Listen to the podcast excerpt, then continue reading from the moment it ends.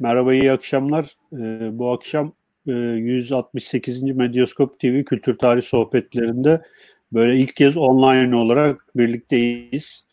Ee, yaklaşık iki hafta önce yayınlarımızda bu salgın nedeniyle ara vermek zorunda kalmıştık. Ee, şimdi yeniden e, hepimiz evlerimize dağılmış bir şekilde bu yayınlara sürdürmeye çalışacağız e, bizim bir sloganımız var. Medyaskop TV e, yayınlarıyla ilgili, bizim yayınlarımızla ilgili. E, biz e, Titanic batarken orkestrayı çalan ekibin fertleriyiz yani ve e, bir şekliyle hani her durumda bu yayınları sürdürmeye e, devam etmeye çalışacağız. E, bugün e, bize bu, size bu yayında bize destek olan öncelikle Kronik Kitaba tabii e, tekrar bir teşekkür etmek istiyoruz. Bugünkü konuğumuz e, yazar e, Mahmut Şenol ama aynı zamanda e, de e, diyebiliriz. Aynı zamanda öğretmenliği de var, hocalığı da var. E, Mahmut abi diyeceğim ben çünkü eski kendisiyle eski bir hukukumuz var. Bizim çiğ köfte ekibindendir kendisi. e, Ozan güldü şimdi çiğ köfte ekibi değildi. Ben çiğ köfte evet. ekibinin salatacı başıyım. Onu da ekleyeyim. evet. Salatalar benden biliyorsunuz. Sa- sa- sa- sa- salatalarıyla da bize destek oluyor. Abi hoş geldin öncelikle. Ee, Mahmut Şenol'u ben kısaca bir tanıştırmak, tanıtmak istiyorum. Ee, kendisi e, 1976'dan başlayarak Cumhuriyet Gazetesi'nde uzun süre, uzun yıllar çalışmış birisi e, halen de Cumhuriyet Gazetesi'nde pazar günleri e, Kanada yazıları e, yazıyor. E, yarı Türkiye'de yarı Kanada'da yaşayan e, birisi. E, aynı zamanda 12 tane kitabı var e, roman ağırlıklı e, ve bu kitaplar e, da işte daha çok tarihsel e, roman diyebileceğimiz e, başlıkları e, söz konusu. E, Dönem Mahmut Şenol Efendim? Araya karışıyorum. Dönem romanı diye e, adlandırmanı dilerim. Dönem, ee, tamam. Bir, tamam. Dönem, dönem romanı onu sen evet, abi. Ee, şimdi kendisi e, aynı zamanda Özyeğin Üniversitesi'nde Mimarlık Fakültesi'nde e, Ütopyalar ve Şehir Kültürü başlığıyla e, bir takım dersler veriyor. E, toplumsal hafıza mekanları başlığıyla da dersler veriyormuş. E, ben inşallah bir e, birkaç derse misafir olmayı da isterim. E, bugün e, bu üniversitede verdiği derslerle e, bağlantılı olarak e, bir Ütopyalar e, yayını yapmak istiyoruz ve e, bu doğrultuda e, biraz e, ilk soruyu da ben hani sormak isterim. E, abi bu e, Ütopya nedir? Bir kavram olarak buradan bir giriş yapalım. Daha sonra da e, ara ara e, sorularımızı sana yöneltiriz. Buyurun. Emre'ye teşekkür ederim. Her zaman böyle başlamak lazım. E, hem sevgilerimi göndererek. Senin tanıtımın sırasında da duramadım, karıştım birçok şey. Kusuruma bakma. Şimdi efendim, e, son zamanlarda bir şey dikkatinizi çekti mi bilemiyorum ama benim çok çekiyor. E, Ütopya sözcüğü ve Ütopya üzerine bir, bir furya başladı sanki. Herkes bunlar, bunun üzerinde bir şeyler söylemeye e, söylemekte. E, Ütopya aslında çok eskiden beri konuşulan bilinen bir şeydi. 1920'lerde, e, 25'lerde biraz sonra söyleyeceğim e, arka arkaya pek çok ütopik filmler, eserler de çıktı. Sonra distopik dediğimiz korku toplumunun, e, onun Ütopya'nın tersi olan e, bir e, beklentinin ve gerçekleşen e, düzenin kitapları, eserleri çıktı. O yüzden çok yabancı değiliz ama son zamanda bir artış var. Şimdi herkesin iyi kötü bildiği bir kelime kökenine giderek başlamak lazım. Antik Yunan'a dayanıyor Ütopya'nın kelime karşılığı. Bileşik bir kelime. Uo, yok demek. Ee, ve aynı zamanda e, Topya'da mekan anlamına geliyor ya da arazi, coğrafya anlamında kullanabilirsiniz. Demek ki Ütopya deyince yok olan bir mekan, olmayan bir mekandan bahsediyoruz. Yani Farsçasıyla na, e, nadiyar, olmayan ya da Osmanlıca'da da böyle kullanılmıştı. Olmayan bir yer. Olmayan bir yer ama biz e, o olmayan yeri hayal ediyoruz. Ve bu hayalimiz e, sıradan böyle bir kurgusal bilim kurgu hayali gibi değil. E, olmayan bir yeri bugüne taşımak, o ötedeki varlığı bugün kurabilmenin bir hazırlığını Ütopya ile kuruyoruz. Bu anlamıyla e, Ütopya sözcüğü olmayan yerden ziyade olmayan yeri bugün yaratabilme tasarısıdır. O halde o, Ütopya'nın bir ideolojisi olması lazım bunu kurabilmek için. Çok önemli bu. İdeolojisi olmayan bir ütopya olmaz.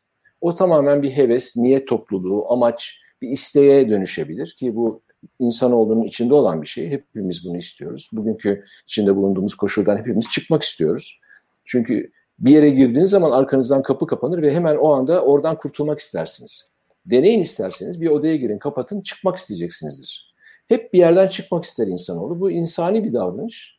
Ama bunu toplum açısından baktığınızda da bir yeni kurtuluş, yeni bir cephe, yeni bir hayat biçimi peşinde olmak doğal bir beklenti. Ama burada bir şey var. Kesinlikle ideolojisi olmazsa altına zeminine döşenmiş ya da beslendiği bir damar olmazsa Ütopya siyaset biliminde ve sosyal e, bilim açısı, açısından varlığını ortaya koyamaz ya da kendinden bahsettiremez. Geçici bir hevese dönüşür. Bu arada bir şey daha söylemem lazım. Ee, öğrencilere çok sıkça söylüyorum bunu. Ee, örneğin şöyle diyor çocuklar. Benim ütopyam ileride iyi bir mimar olmaktır. Benim ütopyam iyi bir doktor olmaktır. Hayır diyorum. Sizin o hevesiniz, niyetiniz, amacınız, emeklilik hayaliniz, bir yere gidip yerleşmek gibi bir düşünceniz. Ütopya çok başka bir şey. Mutlaka ideolojisi o halde hatta bağlantılı olduğu bir doktrin olması gerekir. Bunu da biz Karl Mannheim'ın Alman sosyal bilimci e, İdeoloji ve Ütopya başlıklı bir eseri var. Türkçe'de de var. E, çok önemli bir çalışma. Orada e, bunu okuma, görme şansımız var.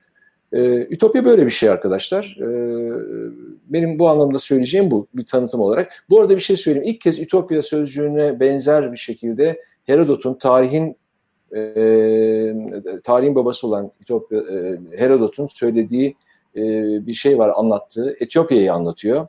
E, böyle bir bağlantı kuranlar da vardır. Etiyopya'nın memleket olarak, ülke olarak Etiyopya'nın e, Ütopya'dan geldiği gibi bir söylentinin de e, varlığını söylemek mümkün. Abi ben e, sorum olacak ama ilk, e, şu var.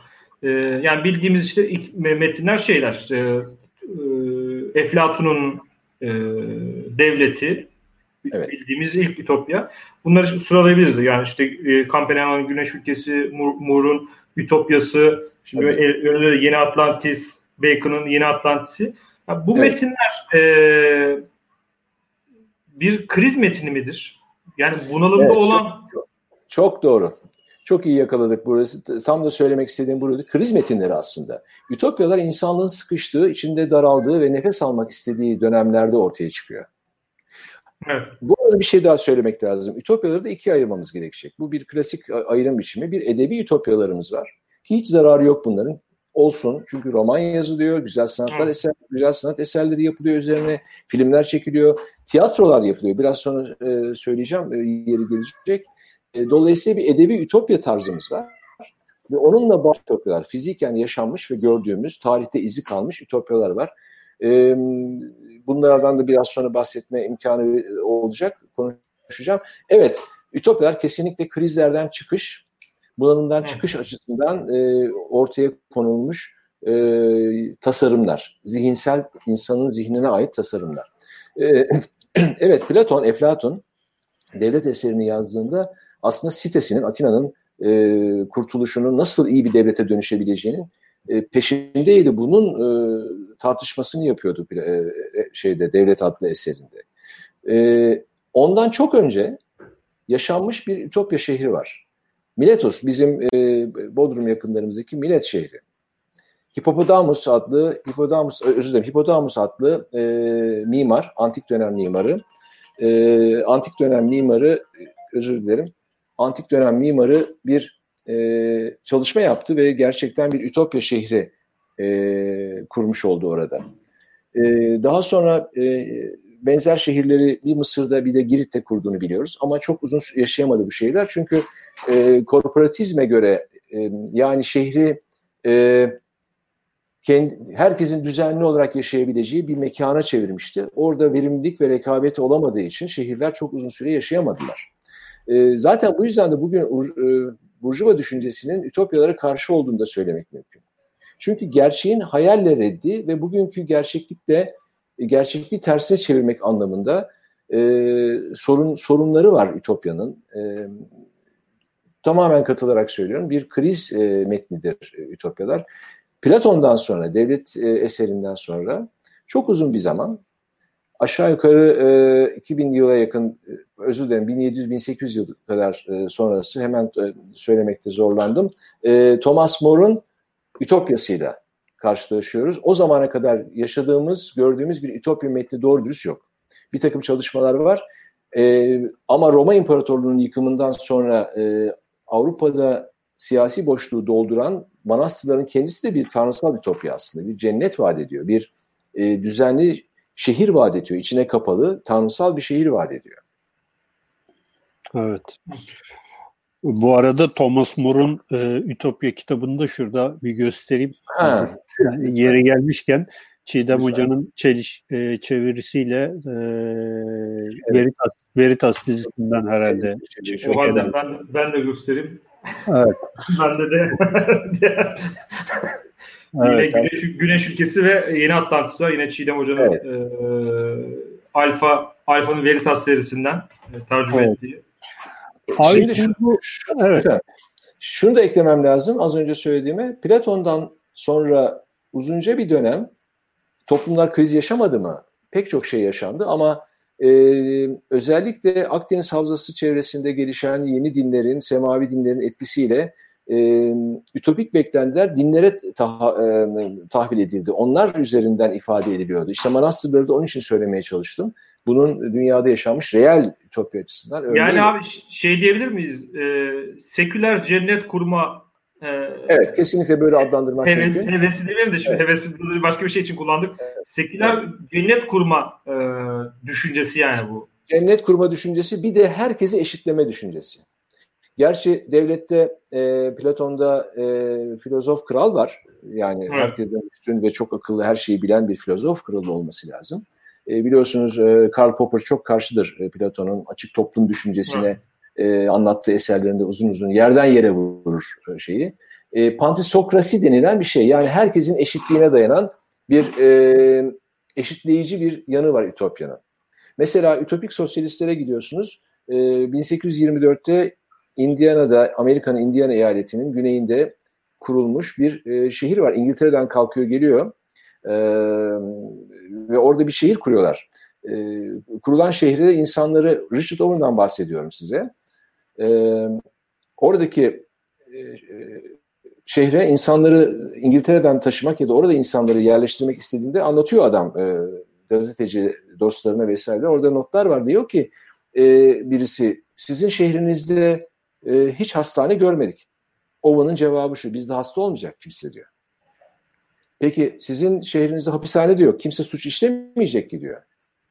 E sizin şehrinizde bu yok, kimse onu yapmayacak ki zaten diyor. Yani herkesin böyle sabah işte uyduruyorum bu rakam şey, saatleri, sabahleyin 8'de kalkıp akşam 5'te yattığı, e, herkesin işte belli saatlerde tam bir kışla düzeni içinde yaşadığı bir düzen öneriyor. Yani e, herkesi eşitleyen, eşitleyici bir şey. Hatta o metin çok enteresandır. Ee, sabah kalkış 8, 8-10 geçeye kadar temizlik, 10'dan 15'e kadar kahvaltı, 15'ten 20'ye kadar palto giymek. Çok dikkat edin. Bakın bunları hatırlıyorum, söylüyorum size. İşte akşam eve döndüğünde yıkanmak 15 dakika sürecek. Ee, akşam eğlencesi bir saat. Öyle bir buçuk saat falan yok. Yani bir saatte eğlendin, eğlendin. Yatış 10, herkes yatacak. Böylesine bir kış... Askeri ütopya olmuş hocam bu. Askeri ütopyadan da beter. Tamamen bir kıskaç. Biraz sonra anlatacağım şeyler var. Yani bunu yapmaya kalkan ve deneyen örneklerden bahsedeceğim size. Sonunda e, insanlar feryat ederek oradan kaçmaya çalıştılar. Kaçamadılar ve bir kısmı da ne yazık ki kötü günler geçiriyoruz. Bunu konuşmak istemem ama intiharla e, tamamlanan örneklerden bahsedeceğim size. Şimdi orada e, Ütopya'yı kuran kurucusu bir kere bir kurucusunun olması gerekiyor. Mutlaka bir e, Platon'dan beri bir e, bilge kralının olması lazım. Bugün buna e, karizmatik lider diye e, isim vermek söz konusu ve Latince'de e, protego ergo obligo dedikleri seni koruyorum o halde bana itaat edeceksin. Sana ben vaat ettim çok güzel şeyler. E, bir dinsel e, cenneti vaat ediyorum. Buraya kuruyorum. Hatta belki bir resim, bir görsel vardı. Herkesin böyle rahat rahat yatıp kalktığı bir görsel. Öyle bir cennet vaat ediyorum. E, belki Ozan kardeşim oynatır gösterebilir. Onun elinde tamam, göster gösteriyorum. Tamam peki. Orada bakın dikkat ederseniz insanlar böyle işte e, mutlu mutlu yatıyorlar. Hiçbir şey yaptıkları yok. Bu tamamen bir aldatmaca. Öyle bir şey olmuyor. Çünkü insanoğlunun gerçekliğine uymayan bir şey Ütopya bu anlamıyla. Ee, hem insanın rekabet ve verimlilik gücünü ve bir süre sonra boşta kalan zamanın, ne yapacağını bilemediği bir zamanın e, problemiyle karşı karşıya kalıyor insanlar. E, bu karışıklık içerisinde e, ütopyalar e, edebi olarak kalsınlar, dokunmayalım. Gayet güzel. Bu fotoğrafta, e, görselde izlediğimiz gibi izleyelim, hoşumuza gitsin. Ama e, bunu yapabilmek tamamen gerçek dışı. İşte o cennet, e, seküler cennet dediğimiz şeyi kuran, e, kurduran bir e, karizmatik lider olacak. Biraz sonra göstereceğim bir e, Guyan'daki, Ekvator Guyan'ındaki e, bir tarikatın intiharı, intihar e, gör, görselleri var mı bizde bilemiyorum ama e, söyleyeceğim onu da. E, yani e, Ütopyalar tamamıyla e, bir gelecek vaadiyle e, yola çıkıyor. Bu vaadi yerine getirmek için insanları peşine takıyor. Taktığı insanlara da protego ergo obligo diyor. Burada birazcık beni affederseniz bir şey söyleyeceğim. E, yanılmıyorsam Deleuze'nin sözüydü. E, evet, Özgür Taburoğlu'nun ezısından hatırlıyorum çünkü bunu. E, çok değerli bir yazarımız Özgür Bey. E, o diyor ki, beni affedin bu şeyden kullanma, kullanıyorum e, ütopyalarda bir başkasının düşüncesinin e, takılan, başkasının aklına takılıp devam edenin burnu işte e, kakadan kurtulmaz diyor. Böyle bir kibarca söylemeye çalışayım ama önemli bir e, metinde geçen e, bir, bir değiştir bu. E, insanlar sonunda bu e, takıldıkları, peşinden koştukları büyük ümitlerin, büyük vaatlerin gerçekleşmediğini görüp e, o büyük bir distopyanın içerisinde yaşamaya başlayarak oradan çıkış yolu aramaya çalışıyorlar. E, tarih de bunlarla dolu. Abi şimdi sana, sözünüzü böldüm. Birden aklıma geldi. Hep gelecekteki hayalleri, geleceğe ait tasarım yapmak da gerekmiyor. Retrospektif ütopyalar da var. onu, onu, onu soracaktım ben. Ee, şimdi e, geleceğe dair e, ütopya dediğimiz şey zaten geleceğe dair yapılan evet. bir şey ama ee, bir de asr-ı saadet söylenceleri var. Yani evet, ge- evet. geçmiş referansları evet. alarak işte evet, evet. E, biz bugün buna nostalji hastalığı, bazılarımız hatta bunu çok ileri götürenler e, melankoliye falan da yakalananlar evet. var. Ee, bu mesela e, zaman zaman ben e, bazı söyleşilerde falan e, sık sık karşıma çıkıyor işte. Mesela sosyal medyada işte herkes eski İstanbul'u övüyor. İşte eski İstanbul şöyleydi, eski İstanbul böyleydi. Ah çok yazık oldu bilmem ne falan filan. Şimdi eski İstanbul'u öven arkadaşları götürsek eski İstanbul'un ortasına bıraksak 5 dakika duramazlar kaçar gelirler yani.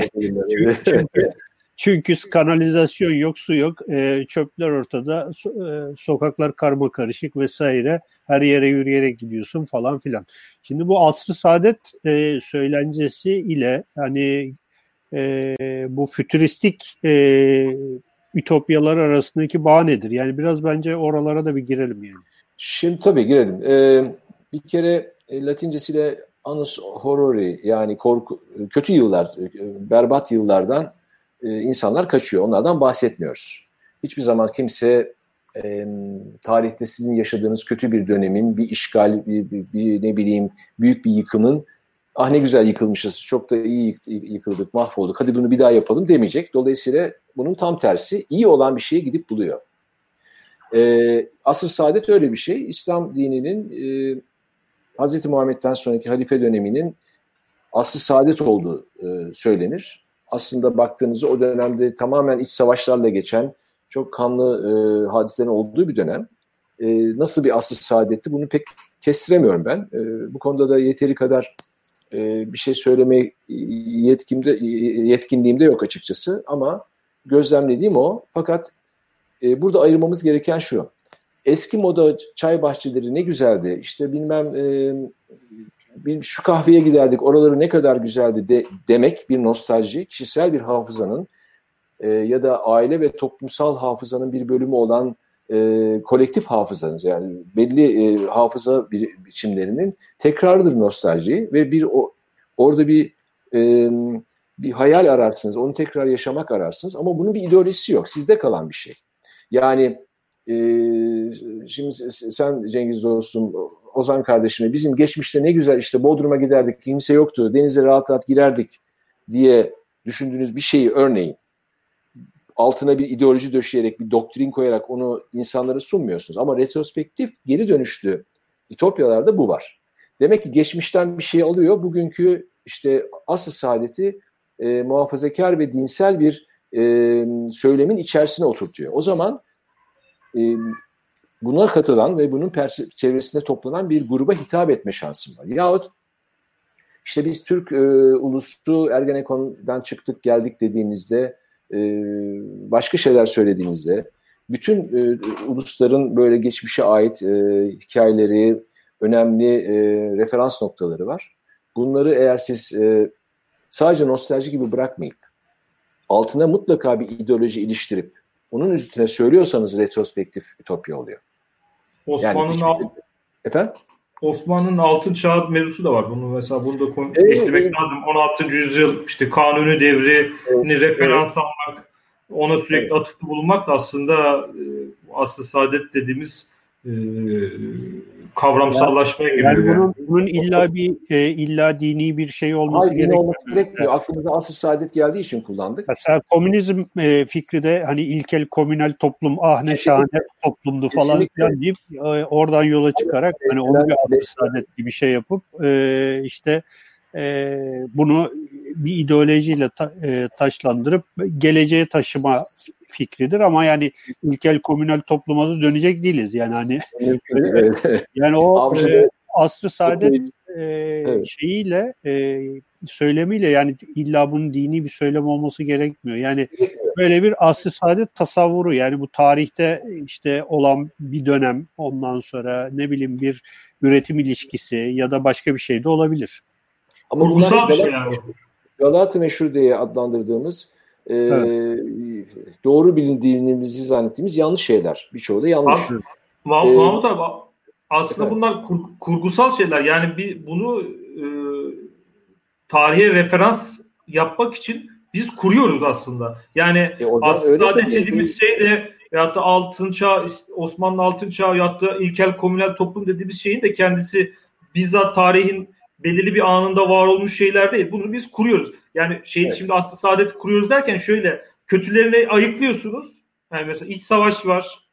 Evet. İşte, e, e, e, Halifeler devrinde iç savaş var. Osmanlı devrine bakarsan altın yıl e, altın e, altın çağ kanun dönemi döneme bakarsanız işte şey var e, iç, yine iç savaş var kendi oğlunu öldürüyor yani iç savaş derken şey e, Celalilerin başlangıcı var.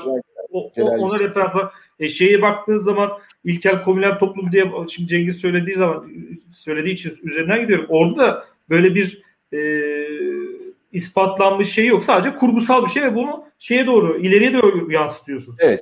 Ee, bir şey işte yani. retrospektif ütopyaların bu özelliği bir süre sonra fütüristik olarak karşınıza çıkıyor. Yani gelecekçi bir şeye ifade, gelecekçi bir ifadeye dönüşüyor.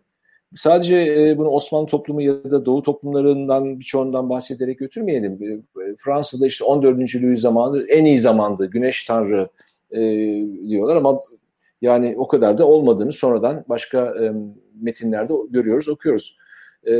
Böyle bağlantı, bağlantı kurmak mümkün. Şimdi tarihteki ütopyaları bu anlamıyla konuşurken aslında yaşanmış mesela Likurkus yasaları var. Sparta'da e, 7. yüzyılda kurulmuş bir idari biçimi. Likurkus'un e, yasaları tamamen az önce söylediğim Richard Owen'ın e, kurduğu Abi e, Robert, Robert Owen olmasın? Özür dilerim Robert. Çok özür dilerim. Doğru söyle. Uyardın beni. Çok teşekkür ederim. E, bazen isimleri insan e, dil sürçmesiyle karıştırıyor. Özür dilerim e, dinley, dinleyenlerden de. Owen'ın söylediği işte şu saatte giyeceğiz, şu saatte paltonu giyeceksin, ayakkabını bağlama süresi 5 dakika gibi e, birçok şeyin adeta bir öncülü olarak Sparta'da uygulamaya kalkmış ve yasaları var Likurkus yasalarının ve askeri bir devletin kökenleri oralardan geliyor. Ama dönüyorsunuz Aristofanes'e, Latin e, Yunan e, ta, e, tiyatrocu, tarihte ilk kez feminist ütopik e, bir tiyatro oyununu koyuyor ve bir ütopya önerisinde bulunuyor. Feminist ütopya. Çok önemli bu. E, hatırlarsınız Müjde Arın, Şener Şen'le Şalvar Davası diye bir e, filmi vardı. Evet. Hatırlıyor musunuz arkadaşlar? Evet, o film evet. bundan esinlenilmiştir. Bu e, Lysistrata adlı oyundur. Lysistrata e, binlerce kez sahnelenmiş.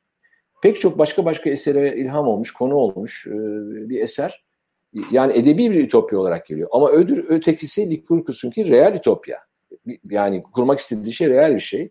İşte az önce Ozan'ın da söylediği gibi Thomas More'a kadar getiriyoruz Ütopya'yı. O arada e, pek çok başka başka eserler çıkıyor karşımıza. Bunları tek tek saymak mümkün.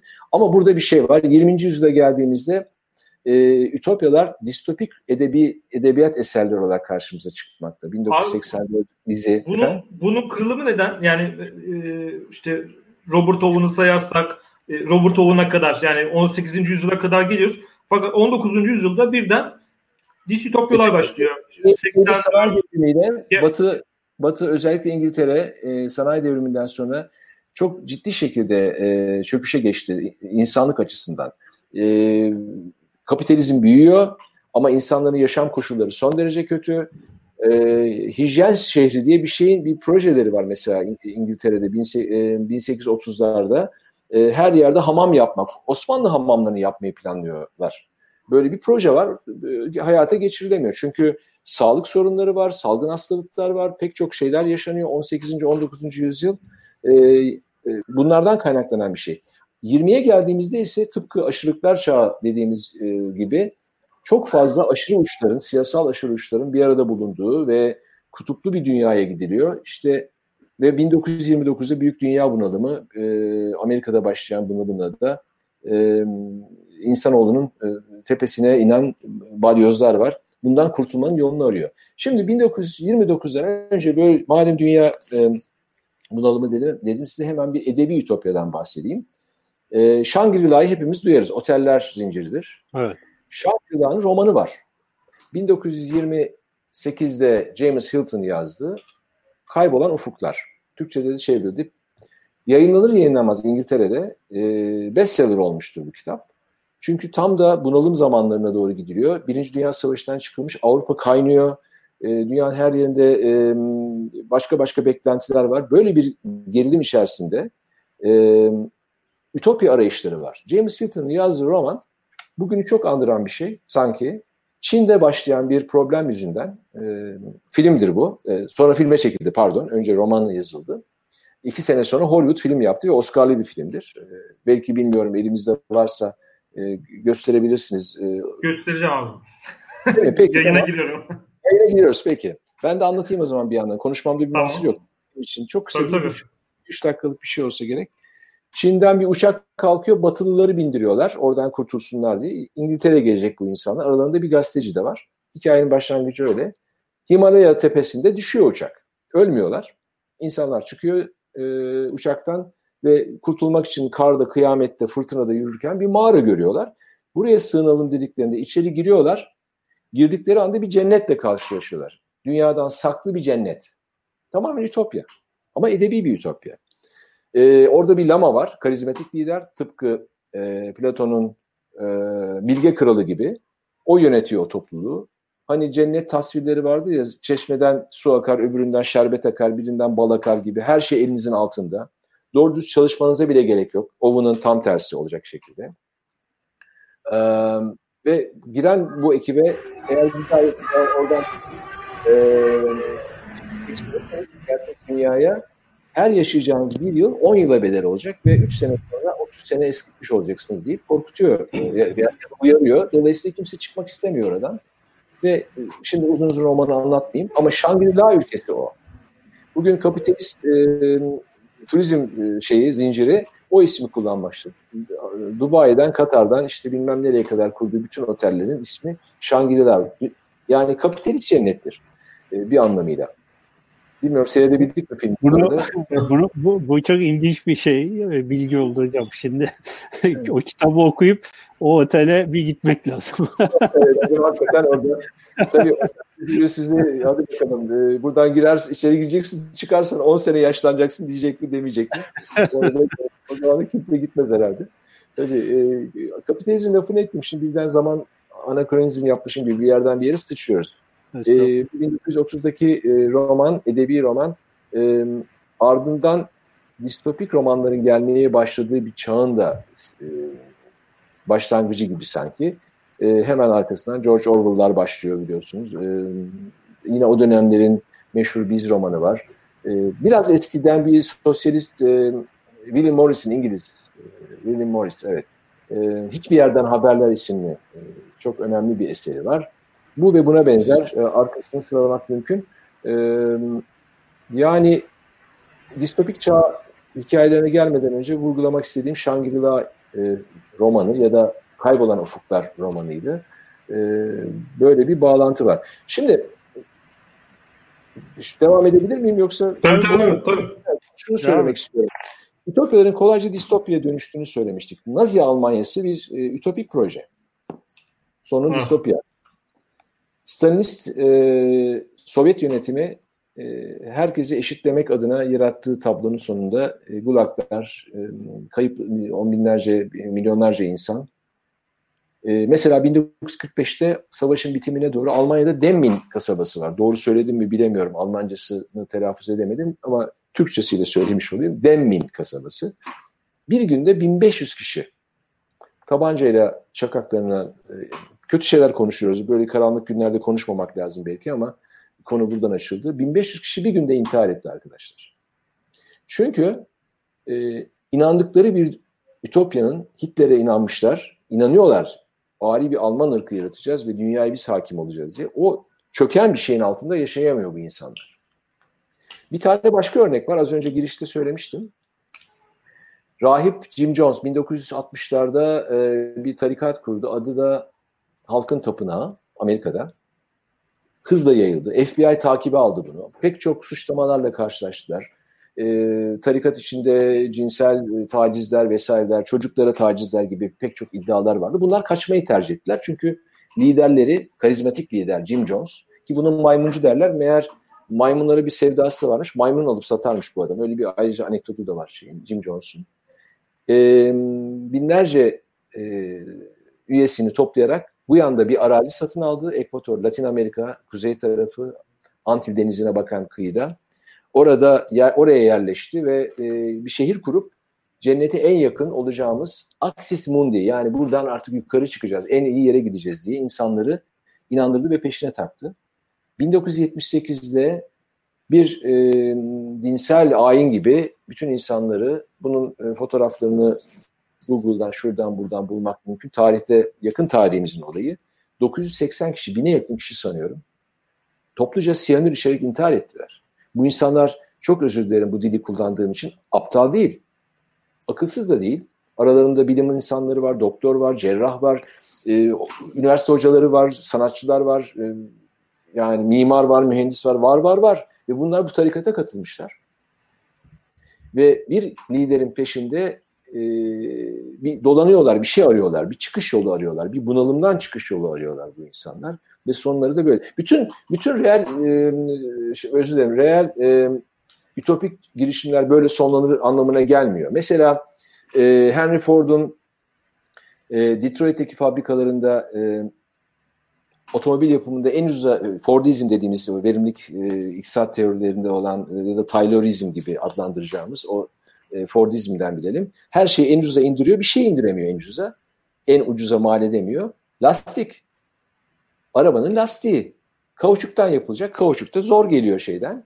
E, Brezilya ormanlarında var bir tek kauçuk.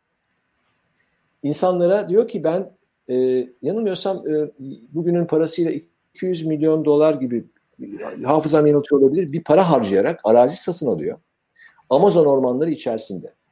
Ve e, Amerika'daki hem kendi işçilerine, fabrikalarında çalışan işçilere hem de dışarıdaki insanlara vaat ediyor. Orada size bir Ford Land kuruyorum, Ford, Fordi, e, Fordistan kuruyorum diyor. Adı Fordistan, Türkçesiyle Fordland. Bir ülke, bir şehir. O şehri de tipik e, Amerikan e, şehir modeliyle yapıyor. Bir göl kenarında, bir nehir de geçiyor kenarından, göle bağlanan. Orada yapacağınız tek şey bana kauçuk çıkartmak. Ben size her türlü imkanı sunacağım. Merak etmeyin. Hastanenizden, eğlencenizden, şunundan bundan ama saatleriniz var, çalışma saati diye. Ee, insanlar da seve seve gidiyorlar çünkü orta sınıf olmak istiyor Amerika'daki o fakir halk. Ee, 1928 yanılmıyorsam. Tam da dikkat edin Shangri-La'nın yazıldığı yıllar. Gidiliyor. E, büyük bunalım geçiyor. 1934-35'lerde yanılmıyorsam bir e, ayaklanma başlıyor. İnsanlar birbirlerine e, giriyorlar. Yeteri kadar mutlu değil insanlar. Çünkü sıkışmışlık duygusu içindeler. Sizin onlara ev vermeniz veya belli şeyler söylemeniz yetmez. Sabah 8'de kaldırıp akşam 5'te yatırtıyorsunuz. Yatması lazım. Bir saat eğlence payı var. O bir saatin dışında yapacaklarınız da belli. Böylesine bir eşitleyici ütopya kuruyor Ford, Henry Ford. Bizim bu Ford arabalarından bildiğimiz Henry Ford. Ve e, eğer zahmet buyurup girerseniz Google'daki bu başlıkla e, birçok bu konuda yazılmış son bir kitap da var. E, Amerika'da yakın bir zamanda yayınlandı. E, girerseniz orada göreceksiniz o şehrin nasıl yağmalandığını ve insanlar telef oluyorlar e, Amazon ormanlarında. O Amazon nehrinden e, ülkelerine dönmek için çalışır derken bir kısmı kayboluyor, bir kısmı ne olduğu belli değil. Veya bazıları kalıyor orada. Tam da savaşa giriş dönemi. Amerika hükümeti buna e, yardımcı da olamıyor. Bir kısmını kurtarıyorlar oradan. Yani bir felaketle sonuçlanıyor. Felaketle sonuçlanmayanlar da var. Ama yine de bir bakıma felaket. Mesela Finlandiya'dan e, bir grup insan e, vejeteryan bunlar e, ve muz düşkünü, muz yemek istiyorlar ve sıcak ülkeleri istiyorlar. Onlar da Brezilya'ya gidiyor. E, muz ütopyası, Fin ütopyası diye bir e, küçük şehir kuruyorlar. Orada yaşamaya başlıyorlar. E, ama çok kısa süre sonra bir 3-5 yıl içerisinde e, yapamayıp onlar da dönmek istiyorlar. Bir kısmı tam da o sıralar savaş dönemi işte e, Alman denizaltıları dolaşıyor Atlantik'te yollar kapalı vesaire dönemeyince onlar da e, büyük ölçüde Brezilya'da heba olup telef olup gidiyorlar bu insanlar. Yani ille tabancayla öldürmek gerekmiyor. Böyle de sonuçları bitiyor. Efendim? Abi yani ben soru soracağım da Cengiz abi sen bir şey mi soracaksın? Abi e, sen söylerken sadece ek yapacağım. Sen e, bu Guyan meselesini ben hatırlıyorum. Yani o zaman evet. tabii 10 yaşında falandım. E, çok büyük mesela Türkiye'de de bu ilk duyulduğu zaman e, çok büyük şaşkınlık yaratmıştı. Hani siz evet. benden daha iyi hatırlarsınız tabii. Mesela buna çok benzer bir örnek Osho olayı vardır hani Amerika'da. Abi ee, Osho var evet evet. E, büyük bir tarikat e, onlara da bir cennet vaat tamam. ediyor falan filan. Sonra da Oregon'a yerleşiyor. Sonra patlıyor iş yani. Evet o zaman. Evet. Şimdi şey Oregon'a yerleşiyorlar. Orada yer alıyorlar. Hatta yani, büyük bir şey. Belgeseli de var. Ben de e, söyleyecektim sen önce, önceden davrandım. Belgeseli de var. O içeriden de anlatıyorlar. Yani yeni yapıldı. Geçen senelerde 2019'da yayınlandı. İşte çok iç, içeriden yayınlandı. Hani oradaki şey de kurdukları Oregon'a yerleşiyorlar, çiftlik kuruyorlar. Havaalanı var. Yani kendi kendine yeten evet. bir yer yapmaya çalışıyorlar. Oradan takip edilebilir. Evet. Benim e, şeyim e, sorum şu olacak. Sorumla değil de aslında bu şeye nasıl bakıyorsunuz? Yani bu e, ikinci dalga diyebileceğimiz bir e, ütopya var. Bir de 16. yüzyıl sonrasında diyelim. Hani bu ilk dalga işte Eflatunların olduğu işte belki San Agustin'in Tanrı şehrinin olduğu bir evet. şey. İkinci evet, dalga ise ikinci dalga ise e, işte Campanella'nın Thomas More'un ondan sonra e, şeyin e, Bacon'ın e, yazdığı metinler var ve bunlar da aslında yeni dünyanın keşfiyle yani yeni dünya aslında bunu kullanmıyorum da e, Amerikalı ile karşılaşmayla ortaya çıkan metinler. Yani e, oraya bir e, atıfta bulunuyorlar. İşte oraya gidiliyor. Orada gemilerle gidiliyor. Hepsini genel olarak ada ada ada fikri de var. Yani mesela evet. hem Atlantis'te hem e, Campanella'nın Güneş ülkesinde de Ütopya'da bunların hepsi de ada aslında. Çünkü bir de bakın e, Ozan çok iyi bir şey söyledi. Birden hafızamda canlandı. E, derslerden hatırlıyorum. E, çocuklara hep söylüyor. E, onlarla çalışırken konuşuyoruz. Ütopyacı aynı zamanda hem içini alır kapatır seni dışarı bırakmaz. Aynı Ford şeyinde olduğu gibi, diğer tarikatlarda olduğu gibi ve bir de dışarıdakini ötekileştirir. Yani aslında demokratik bir toplumsal, evrensel bir düzenin önerisi değil Ütopya. İçine kapalı, hatta çok abartılı söyleyeceğim, uymayacak belki ama ezoterik de bir yanı var. Yani biz biliriz her şeyi, gerçeği de biz biliyoruz zaten. Onlar bilmiyorlar, ötekiler bir şeyden anlamazlar gibi bir başka elitist demeyeyim, uymayacak o kelime ama böyle bir başka seçkinci bir e, tavrı var Ütopya'nın. Tabii burada şeyi de unutmamak lazım abi. Bahsetmedik ama e, Medinetül Fadıla Farabi'nin evet. Medinetül Fadılası var. Bir de yine evet. bir Ütopya metni olarak okuyabilir miyiz bilmiyorum ama Haybin Yakzan var. Bunu şimdi bir artı şey olarak tutuyorum. Ee, ben çünkü o e, iki, birinci dalga, ikinci dalga mevzusunu şuna getireceğim aslında. Şu anda da e,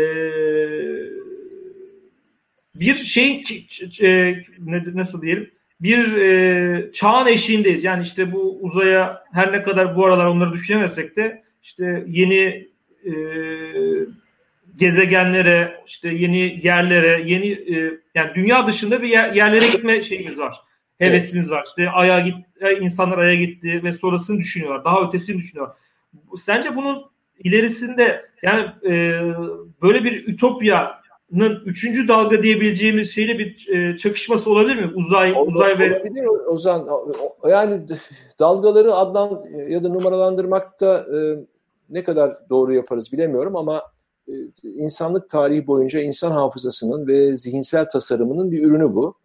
Az önce söylediğin gibi 9. yüzyılda Medine-Tül Fazıl'da Farabi'nin senin de bu arada hemen bu Farabi üzerine bir çalışmam var. Onun İbn adını adı, The Walking Dead'i mukaddimeyle okumak diye. Orada Bedevi ve Harari'den Hadari'den bahsediyorsun. Bedevilerden bahsederek çok güzel bir metaforla da bağlamışsın. Onu da e, selamlayarak bu yazıyı bir adlandırayım. Evet, e, sağ olsun. Dinleyenlerimize de izleyenlere de hatırlatmak lazım. Şimdi e, bir kere şöyle bir şey söylemek mümkün. Yeni bir çağa girdik 21. yüzyıl ve çok hızlı sancılı başladı. 20 senede pek çok şey oldu. İşte e, İkiz Kulelerin yıkımı, Irak Savaşı, e, İkinci Savaş, e, Afganistan olayı vesaire derken birdenbire e, dünyadaki politik dengeler değişti ve ama öte yandan da bir enformasyon çağına, bir globalizm çağına gidiyoruz. Manuel Castells'in A toplumu diye adlandırdığı İspanyol düşünür, e, sosyolog e, Manuel Castells'ten bahsediyorum.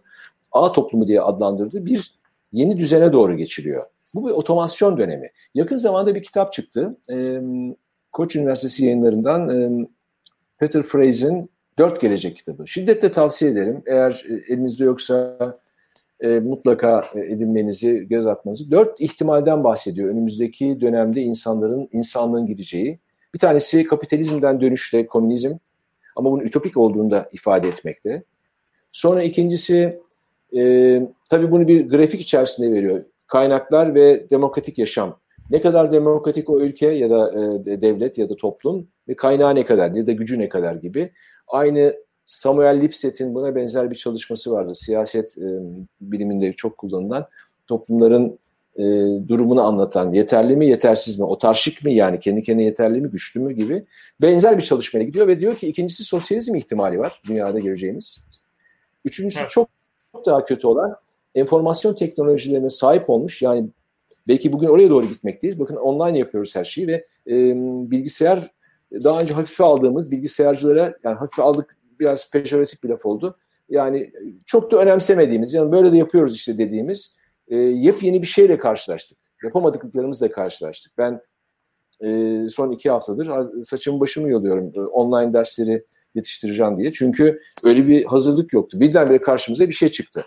E, bu işte otomasyon çağının bir işareti. O halde diyor Peter Phrase, e, üçüncü ihtimal bunu bugünden tutmuş, copyrightları eline geçirmiş, şirketlerini ona göre oluşturmuş olanlar geleceğin yeni burjuvazisi, yeni kapitalist sınıfı olacak ve onların yönetiminde bir büyük e, fuzuli insanlar grubu ortaya çıkacak. Beceremeyen, başaramayan çok korkutucu bir e, ifade bu. Ve üçüncüsü de, şey, dördüncüsü de imhacılık. Bu çok korkutucu. E, otomasyon çağıyla beraber artık insan emeğinin boşta kalacağı ve bu boşluktan dolayı da e, ayrıca coğrafik nedenler, dünyadaki yayılım e, sos, siyasal e, rejimlerin e, pek pek değişik biçimleriyle e, insanların imhasına yönelik e, beklentiler var. Yani Zaten bunlar lüzumsuz insanlardı. Ölseler de olur demenin bir ifadesi ortaya çıkacak. Bu distopiye, distopik bir şeye giden. Aslında baktığınızda şöyle bir kare yaptığınızda işte buraya kapitalizmden komünizme geçilecek diyor. Ee, burada sosyalizm var ki kabul edilebilir bir şey. Keşke o olsa en azından diyebileceğiniz bir şey. Burada rantizm var altta rantizm diye adlandırır. Yani bunlar rant elde edenler. Ve bir de e, imhacılık denilen korkunç bir tablo var. Ütopya böyle gidiyor tak diye distopyaya dönüşü veriyor ve ürküyorsunuz orada. Şimdi e, böyle olunca e, söyleyebileceğimiz şeyler e, gelecek için çok fazla mümkün görünmüyor. Ama bugünü anlatırsak tekrar e, Michel Foucault'un yine tabiriyle e, bir heterotopya içinde. Bakın yine bir topya var. Heterotopya içinde yaşıyoruz. Bu arada çok topya var biliyor musunuz? Invest, Investopya söyleyemedim.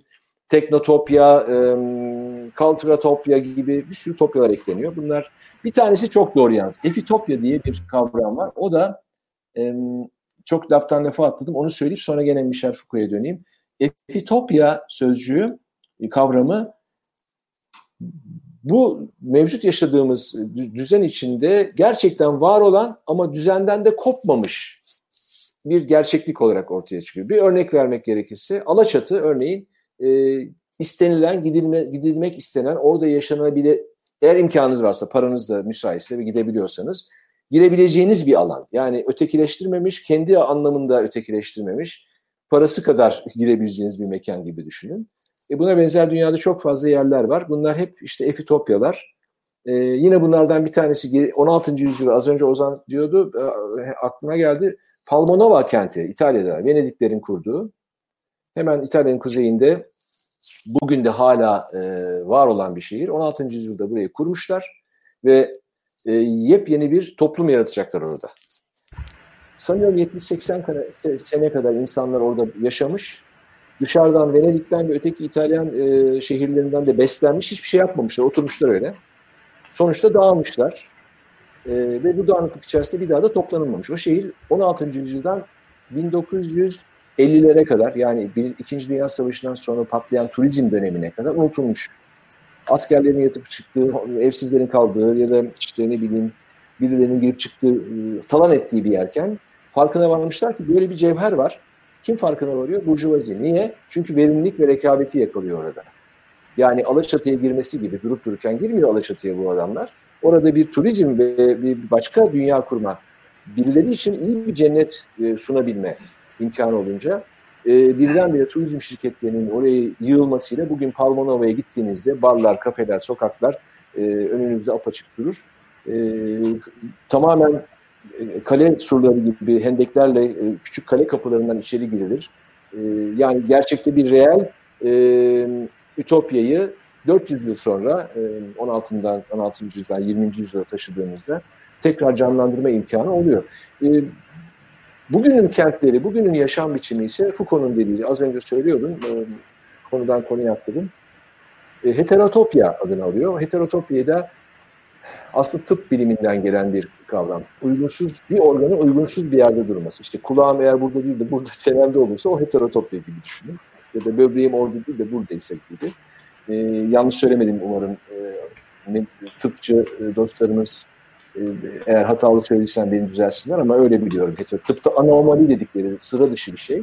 İşte Michel Foucault bunu söylüyor. Diyor ki e, bugün yaşadığımız sosyal yaşam, e, şehir yaşamı tamamen bir heterotopyadır. Olmaması gerekenler bir arada ve bir uyum içinde. Yeni bir uyum. Yani böbreğiniz buraya geliyor ama ölmüyorsunuz, yaşamaya devam ediyorsunuz. Bir anomali var ama yeni bir uyum çıktı. Bilmiyorum bu örnek e, sizlere sorayım yeterli bir açıklama getirecek mi? E, ve bunu da heterotopyanın aslında mesela Homeros'un e, Kimara, Kime, Kimaira, Kimaira diye adlandırdığı bir efsanevi e, canlıdan almak e, alıyoruz benzetmeyi. Hatırlarsınız Homeros da diyor ki işte bir şey e, Kimayra canlısı, şey canavarı bütün canlıların en güçlü taraflarını alır. İşte birisinin boynuzunu alır, öbürünün işte kuyruğunu alır, birisinin ayağı alır. Garip bir varlık çıkıyor ortaya. E bugünkü e, baktığınızda modern şehir dediğimiz e, içinden çıkılamaz duruma gelmiş bu e, büyük metropollerin, e, şehirlerin bir anlamda kimayır olduğunu da görmek mümkün. Büyük bir sitenin yanında, e, büyük bir göklerin yanında gece konduların olduğu e, gibi ne kadar dönüşüme soksanız bile bunları hala bunun devam ettiği bir ruh, çağ gerçekliği olarak devam ettiği bir şeyle karşı karşıyayız. Yani abi şehirle ütopya arasında da doğrudan yani bir ütopya dediğim şey aslında şehir temel alan bir şey değil mi? Yani ülkeyi değil de senin söylediklerinden bunu anlıyorum. Temel aldığı evet. unsur e, temeli çünkü şundan temel şehir. aldığı unsur Ozan yani e, ulus devletler e, 1789 Fransız ihtilali sonrasında konuşulmaya başlanan bir sürecin e, sonucu. E, daha önce ulus devlet yok. İmparatorluklar, krallıklar vesaire var ama şehir devletleri gibi hepsi. Küçük küçük e, işte yüzlerce e, Alman şehir devleti var, şehir, e, komünü var, devlet demeyelim, e, prensipler var. Platon dönemine gittiğinizde Yunanistan sitelerle yönetiliyor. Ülke mantığı yok. Öyle bir ülkeyi koruyalım, sınırlarımızı işte bayrağımızı dikelim gibi bir evet bir coğrafi sınır var ama idari anlamda düşündüğünüzde bugünkü ülke yok o zaman. Dolayısıyla ütopyaların şehirle bağlantısını kurmak da oradan geliyor. Abi şimdi sen konuşurken benim aklıma şey de geldi. Ee, bu haşhaşiler. Şimdi Aa, onların da mesela kurduğu şey aslında bir yani politik hedefleri olan, ideolojik hedefleri olan bayağı e, işte e, bir e, vaat edilmiş cennet ve onu da yeryüzünde işte e, gerçekleştirmeye evet. çalışıyorlar. Hasan Sabahlar şunlar bunlar. Evet. E, bu, bu da hani sen konuşurken aklıma geldiği için burada bir hatırlatmak istedim. Hı hı. İstersen bir de bu e, günümüzde şu anda yaşadığımız ortamla da uygun olarak bu distopya nedir? Yani ütopyalardan biraz da hani e, distopyalara doğru bir e, şey yapsak mı? Ee, ee, distopya e, eski İngilizce'den evet. gelme, Shakespeare İngilizcesi döneminden gelme, işte kötü anlamında dice, topya, e, kötü e, topraklar, kötü mekanlar anlamında bir korku toplumunun, bir baskı rejiminin ama gerçek anlamda büyük bir baskı rejiminin var olduğu, insanların e, adeta e, gözlem altında kaldığı, sürekli e, kontrol altında tutulduğu bir toplum. Tıpkı e, İngiliz Bellamy'nin, e, Edward Bellamy'nin Panoptikan toplumu e, 360 derecelik bir e, hapishane tasarlamıştı. E, hatta e, akıl hastanesi de belki e, düşünülmüştü. Bu da e, hem Foucault'a hem Deleuze'ye yol açan, ilham veren bir çalışma. E, o akıl hastanesinde da hapishanede merkezde bir kontrol yeri var. O kontrol yeri işte ışıldaklarla, bugün de kameralarla bütün hücreleri görüyor. Hücreler açık, kimse saklanamıyor. Kimin ne yaptığını görmek imkanı var. Bu panoptikan.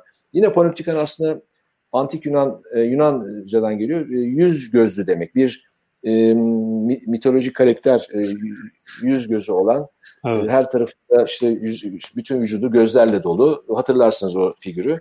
E, oradan alınmış bir e, kelime. E, distopya tam bir panoptikan düşünce aslında. E, bugünlerde çok fazla işte Çin nasıl baş etti, baş ediyor derken bu tür videoları da görüyorsunuz.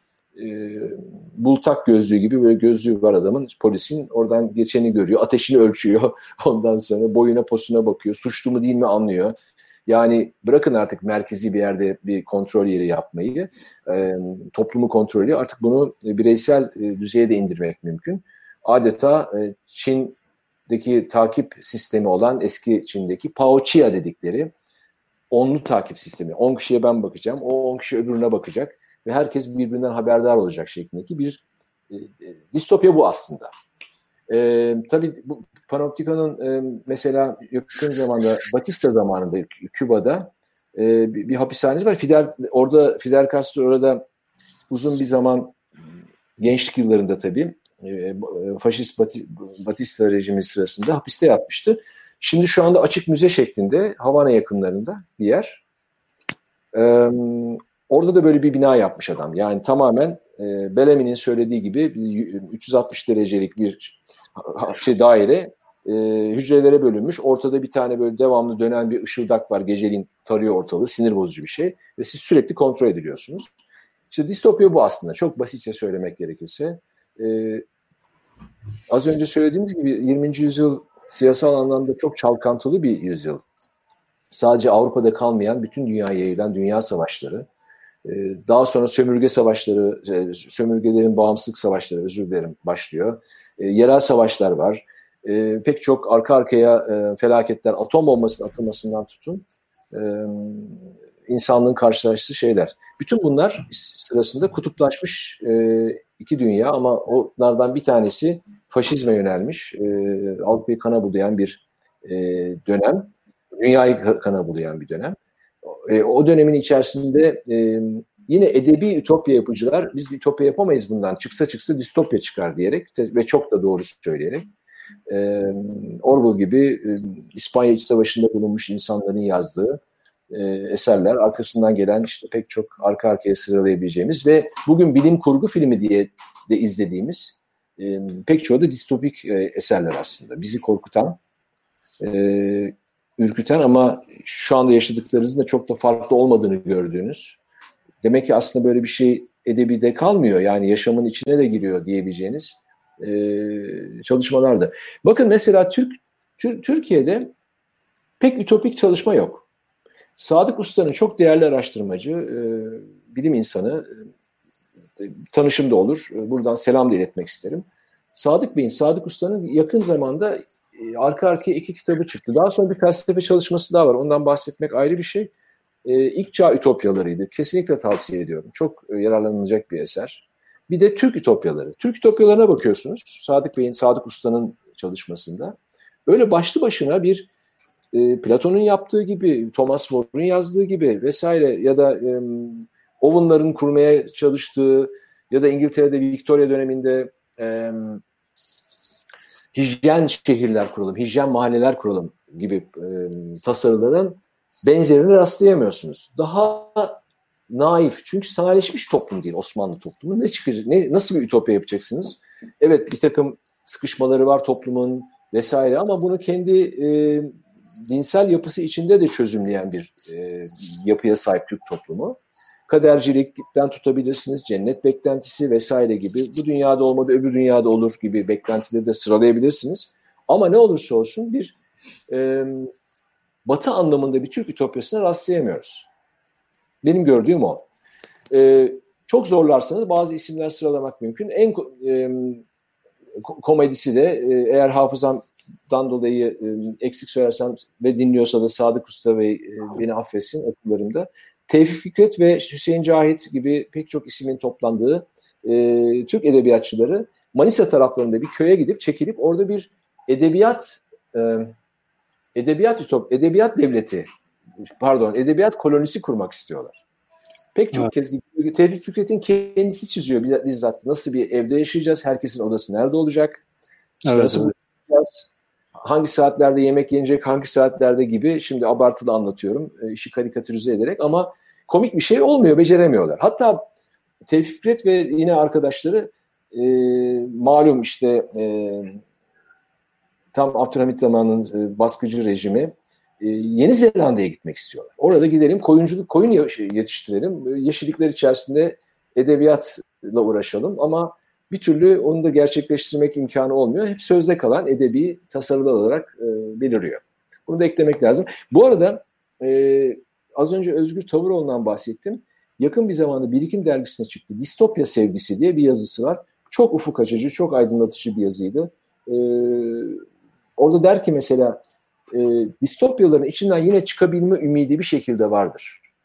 Yani oraya girerseniz, girmişseniz kapılar kapanmıştır ama bir ümidiniz yine var. Mücadele edebilme imkanınız var. Ütopya'da bu imkan hiç yok. Sizden o tamamen elinizden alınmış.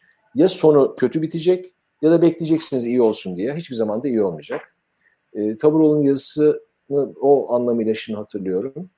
Bir de Aslı Çalkıvik e, adlı bir e, akademisyenden bahsedeceğim.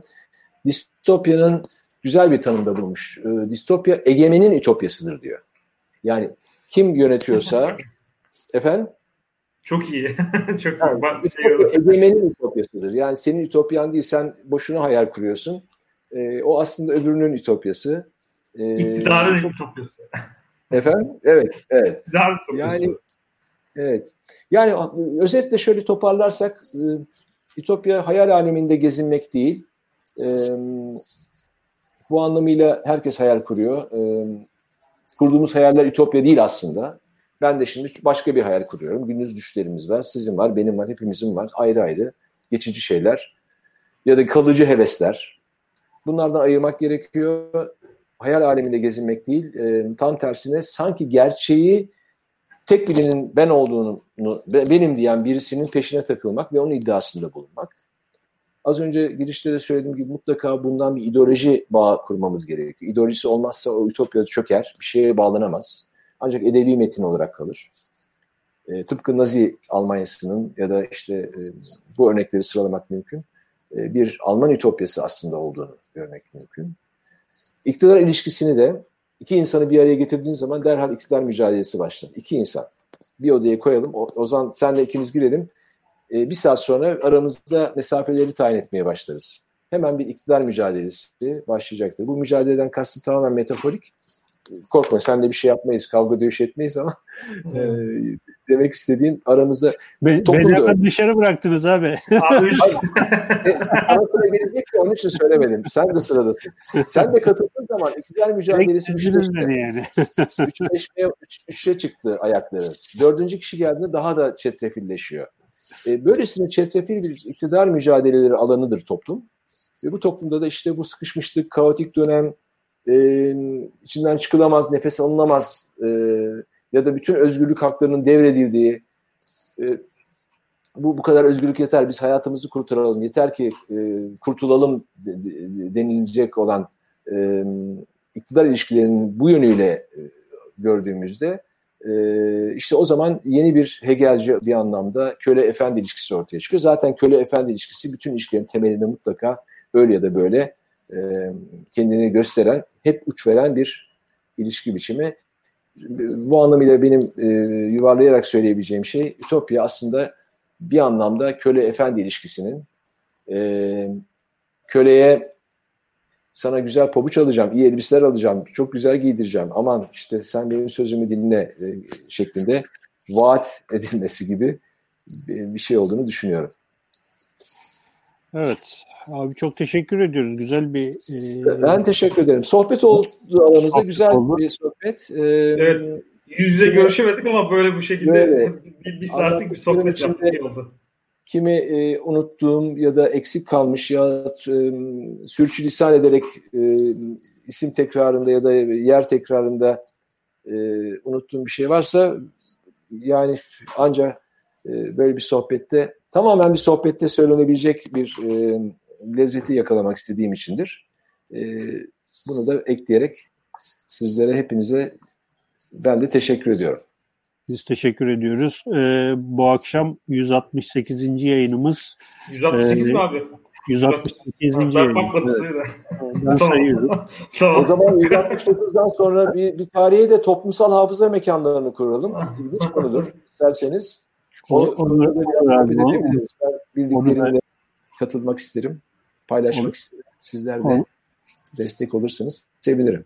Şimdiden evet. sözleşelim o zaman toplumsal hafıza mekanları diye. Önümüzdeki. Aylara, günlere ne zaman uygun olursa. O, o iş Ozan'da. Tamam. Ee, reji, reji onda, reji masası orası peki. Ben kapatayım artık. Ee, 168. yayınımız e, bugün burada sona eriyor. E, ilk kez online olarak e, bu yayını size ulaştırmaya çalıştık. Bundan sonra da herhalde yaklaşık belki, belki bir, bir buçuk ay daha bu formatta devam etmek durumunda kalacağız. Kültür tarih sohbetleri e, el, elinden geldiği kadar şartlara kendini adapte ederek e, yoluna devam edecektir. E, bu yayının size ulaşmasında bize destek olan e, Kronik Kitaba ve e, Medyaskop ekibinden Servet'e e, bilhassa e, çok teşekkür ediyoruz. E, önümüzdeki hafta 169. yayında yine e, beraber olacağız. Belki de bundan sonra bu e, teknik e, ortamın yarattığı avantajları kullanarak daha sık e, yayınlarda yapabiliriz bilemiyoruz yani. Öyle mi? İyi hadi sevindim. Bu, bu hiç hoşunuza giderse belki haftada iki tane de yapabiliriz yani. Neyse. ben bu arada bir şey söyleyeceğim siz kapatmadan önce. Şimdi farkına vardım ki bir natürmortun altında oturuyorum. E, evden yayın yaptığımız için e, düz bir evet. duvar diye baktım. E, güzel bir natürmort arkada. Şimdi farkına varmış bilmiyorum. Nerede olduğumu soran olursa diye e, mutfak masasının üzerinde duvara dayanmış olarak size sesleniyordum. Bunda e, şimdi farkına vardığım için söyleyeyim onu. Bizi izlediğiniz için hepinize çok teşekkür ediyoruz. İyi akşamlar diliyoruz. İyi akşamlar. İyi akşamlar.